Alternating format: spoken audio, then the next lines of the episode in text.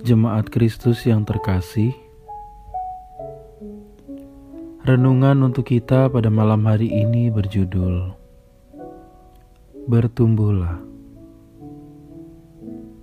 Dan bacaan kita diambil dari kitab Ibrani pasal 5 ayatnya yang ke-11 hingga ayatnya yang ke-14. Beginilah firman Tuhan.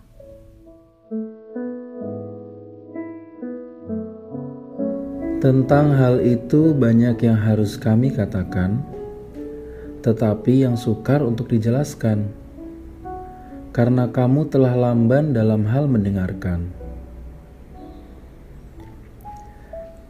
Sebab sekalipun kamu ditinjau dari sudut waktu, sudah seharusnya menjadi pengajar.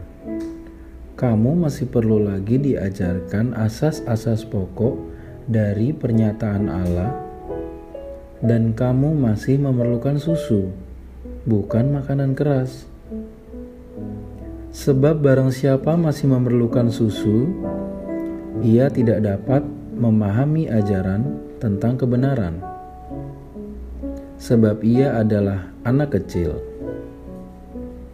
Tetapi makanan keras adalah untuk orang-orang dewasa yang karena mempunyai mempanca indera yang terlatih untuk membedakan yang baik daripada yang jahat.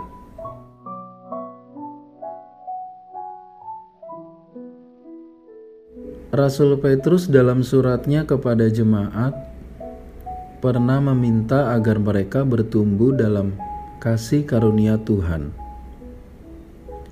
Jika surat itu ditujukan kepada kita, Bisakah Anda memikirkan bagaimana mengetahui bahwa kita sudah bertumbuh di dalam Kristus atau belum?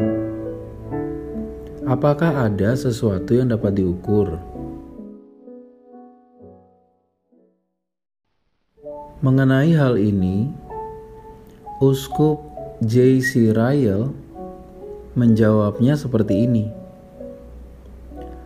Ketika saya berbicara tentang bertumbuh di dalam kasih karunia, saya mengartikannya sebagai adanya peningkatan di dalam kadar, ukuran, kekuatan, vitalitas, dan kuasa dari kasih karunia yang ditanamkan roh di dalam hati kita.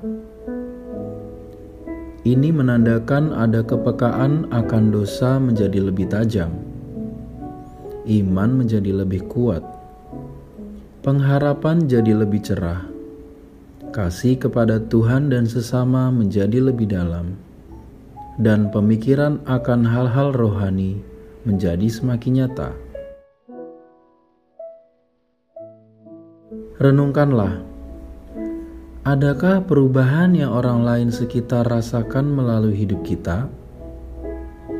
Apakah orang lain melihat kita bersikap lebih sabar? Ataukah kita masih gampang marah, mudah tersinggung, dan sulit mengampuni? Apakah kita semakin peduli dan berbela rasa terhadap orang-orang yang secara sosial kurang beruntung dari kita? Seiring perjalanan kita mengikut Tuhan, mari Tetapkan hati untuk tak ingin menjadi manusia yang sama dari tahun ke tahun. Kikislah ego. Singkirkan kebiasaan buruk dan dosa. Buanglah setiap hal yang tak berkenan di hatinya. Bertumbuhlah. Demikianlah renungan malam hari ini.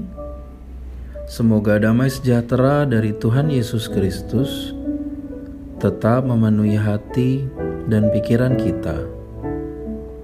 Amin.